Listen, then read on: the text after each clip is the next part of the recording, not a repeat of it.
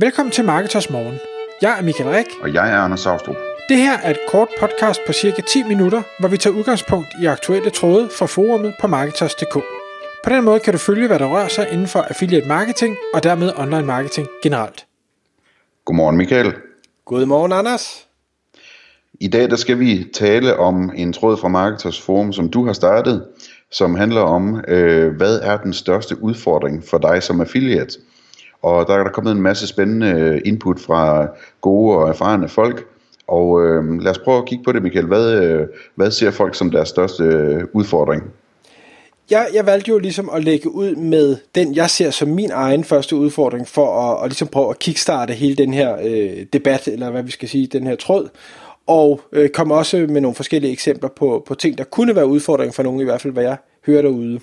Og, øh, og jeg er super glad for, at der er så mange, der har deltaget i den her tråd og, og budt ind, og der er også begyndt at komme sådan lidt, lidt sparring frem og tilbage i forhold til, når man har de her udfordringer, hvordan kan man så øh, løse dem, og det var jo i bund og grund det, jeg gerne ville have, at, at øh, ikke bare man, man erkender, at der er en udfordring, men også at man begynder at arbejde med, hvordan får man så fundet en løsning på det. Og den udfordring, jeg selv bød ind med, det er, at jeg står i en situation i dag, hvor jeg øh, driver en affiliate-forretning, Altså jeg har øh, hjemmesider, hvor, hvor jeg får en affiliate-indtægt, men jeg har så også, hvad skal jeg sige, Marketers Forumet ved siden af. Jeg øh, arbejder også øh, indimellem som konsulent på timebasis, og alle de her ting konkurrerer om min tid. Jeg har stadig kun 24 timer i døgnet, selvom jeg står tidligt op. Det er jeg får desværre ikke flere timer i døgnet. Og derfor er dilemmaet, hvad er det, altså hvordan skal jeg prioritere den her tid? Skal jeg gøre det ene, skal jeg gøre det andet, skal jeg gøre det tredje? Og hvorfor? Fordi en af tingene er jo selvfølgelig indtægtspotentialet, at man kan sige, at man kan sige, hvad, hvad får jeg i timen? Øh, en, en, hvis jeg arbejder på timeløn som konsulent, jamen så ved jeg, hvad jeg får i timen. Det er rimelig hurtigt at regne ud. Hvis jeg arbejder på Marketers, hvis vi sidder og optager podcast, hvis vi optager webinars, hvis man øh, deltager i forumet, eller alle de andre ting, vi vælger at lave, jamen der er det sådan lidt svært at regne ud, hvad, hvad får jeg i bund og grund i timen? Jeg kan jo se, hvad indtægt der er. Jeg registrerer ikke minutiøst min tid, øh, så, så jeg får lidt svært ved at lave regnestykket. Men umiddelbart, så er det sikkert også en, en rigtig fin timeløn.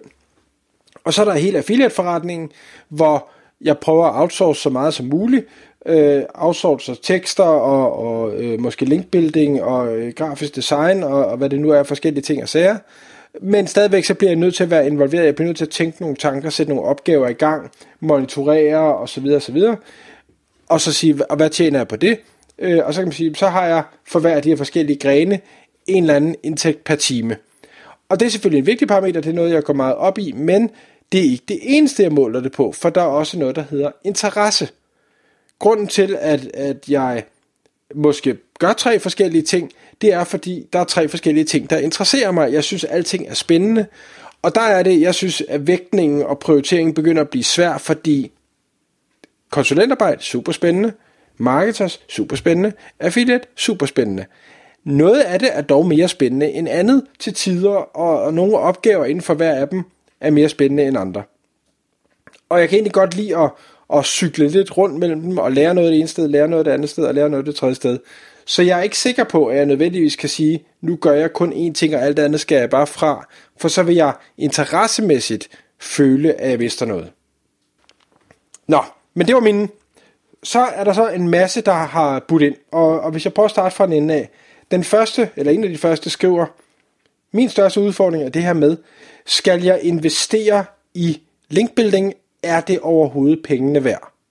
Og jeg synes, det er, et rigtig, det er en rigtig spændende problemstilling, fordi ja, er det pengene værd? Hvornår er det pengene værd? Hvordan vurderer man, om det er pengene værd? Kører man links fra øh, sløje eller middelmådige øh, bloknetværk, jamen det, så, så har det en effekt, det har en pris. Kører man øh, advertorials, eller kører man øh, hvad hedder det, sådan nogle øh, infografikkampagner, som det du øh, sælger, Anders, jamen så kan man sige, det, det er en anden pris, det er forhåbentlig også en anden effekt. Øh, hvornår er det, effekterne kommer? Jamen det gør det jo på måske den mellemlange eller lange bane, fordi øh, linksene først skal have en effekt. Øh, og er det så pengene værd, at jeg kaster 20.000 eller 100.000 ud øh, i den her investering? og måske får jeg dem hjem på et eller andet tidspunkt, men jeg kan ikke sådan rigtig vurdere, om den ekstra trafik eller de bedre rankings, jeg får, hvor er det, det kommer fra? Nej, det er, det er voldsomt svært. Det, øh, hvad hedder det, når jeg bliver spurgt om, om øh, det har jeg sagt før, jeg er sikker på, men øh, når jeg bliver spurgt om, om øh, altså folk, der gerne vil købe en kampagne hos os, øh, om det virker, og hvordan, hvor meget de kan regne med, det virker, og, altså, jeg svarer altid, at at øh, altså det vi sælger, det, det, det er til de troende. Øh, vi, jeg skal ikke øh, nyde noget af at overbevise nogen om, at linkbuilding det virker eller ikke virker, eller argumentere for det. Øh, men der er mange, som øh, ligesom jeg mener, at det virker, og, øh, og, og det, det er selvfølgelig derfor, den overvejelse ligger der. Øh, men, øh, men det er godt nok svært at, at, at regne ud, hvor meget det er værd. Altså. Så bliver der budt ind med, og den, den ligger faktisk øh, latent i alle dem, der, der egentlig kommer med et svar, det er den her med at finde tid. Og jeg er selv blevet meget bevidst omkring det her med at bruge undskyldningen, som jeg vil kalde det, at jeg har ikke tid. Og det er derfor, jeg nu her, da jeg indledte det her, siger, det er hvordan jeg prioriterer min tid. Fordi vi har alle sammen den samme tid. Så at bruge tid som undskyldning øh, er øh, principielt forkert, synes jeg. Det er et valg, hvor du siger, jamen jeg har 24 timer, hvordan prioriterer jeg dem? Jeg skal sove 6 timer eller 8 timer. Jeg skal være sammen med familien 2 timer om morgenen og 4 timer om aftenen. Jeg skal øh, gå til sport. Jeg skal have tid til at gå ud og drikke øl med vennerne eller et eller andet. Det er alt sammen et spørgsmål om, hvordan man prioriterer. Så det er ikke fordi, tiden ikke nødvendigvis er der. Ja, det er klart, hvis du gerne vil lave affiliate 28 timer i døgnet, det kan du ikke selv fordi du kun har 24 timer, men udover det, så er det, hvordan du prioriterer. Der er jo ikke noget, der er rigtigt eller forkert, ligesom at jeg gerne vil prioritere at lave lidt konsulentarbejde, eller gerne vil lave affiliate, eller gerne vil lave noget andet, øh, jamen så, så skal jeg prioritere det og vælge, hvad der er rigtigt for mig, og, og der er det jo øh, det samme med alle andre, man skal prioritere, hvad er det, jeg finder vigtigt, og, og øh, hvorfor. Mm.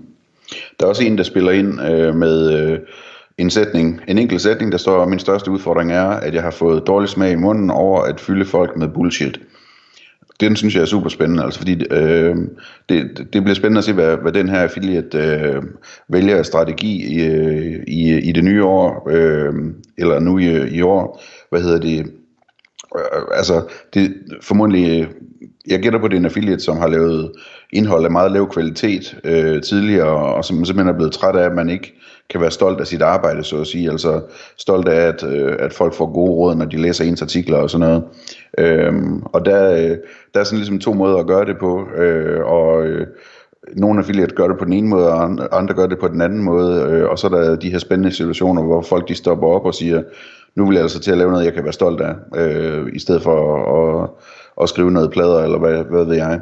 Det, det synes jeg er en, øh, en spændende udfordring der, at, at stå i. Ja, den, den bed jeg også godt mærke i. Det, det, var, det var nemlig rigtig spændende. Så er der en, der skriver, det, det synes jeg også er super relevant, og, og helt klart en, en udfordring. Det er det her med reglerne. Ikke at reglerne nødvendigvis og lovene har ændret sig specielt. De er måske blevet strammet lidt op på nogle punkter. Men vi har hele cookie-lovgivningen. Vi har hele spamvejledningen. Vi har hele GDPR-seancen. Vi har øh, hvad hedder det, ITP, de her, hvad hedder det, mm, som browserne implementerer, så vi ikke kan tracke folk længere. Vi har markedsføringsloven. Alle de her spiller jo i høj grad ind på ens affiliate-arbejde. Og det har det gjort altid, men det har nok bare været lidt lettere at sige, ja, det gider jeg ikke interessere mig for. Nu er det så begyndt at, at komme endnu mere fokus på det. Øh, forbrugerombudsmanden går ind i kampen, øh, hvad hedder det, politikerne begynder at gå ind i kampen, der begynder at komme sager, ting og sager, så, så det er ikke længere så nemt, som det har været, at bare lade være at tage sig af det. Der kan begynde at komme nogle rimelig vilde konsekvenser, og det gør selvfølgelig også, at, at vi nok vil se, at affiliate-landskabet ændrer sig lidt. Der er selvfølgelig nogen, der stadig siger, at jeg, det interesserer mig ikke for, og så ser vi, hvad der sker. Øh, og, og andre vil sige, at jeg, jeg dropper ud, fordi det bliver simpelthen for, besværligt. Øhm, det, jeg, jeg bliver spændt på at, at se, hvad, hvad der sker her, fordi det her, det gælder jo på mange aspekter. Det er jo ikke kun inden for affiliate, det er jo i bund og grund alt online, så, så, så skal man droppe helt ud af online, og det, det, det vil da være en skam, for der er der godt nok potentiale. Nå, det var den del. Den sidste del, jeg bare lige har noteret mig inden tiden er gået, det var en affiliate, der siger, jeg har faktisk kommet i tvivl om, affiliate er den bedste vej.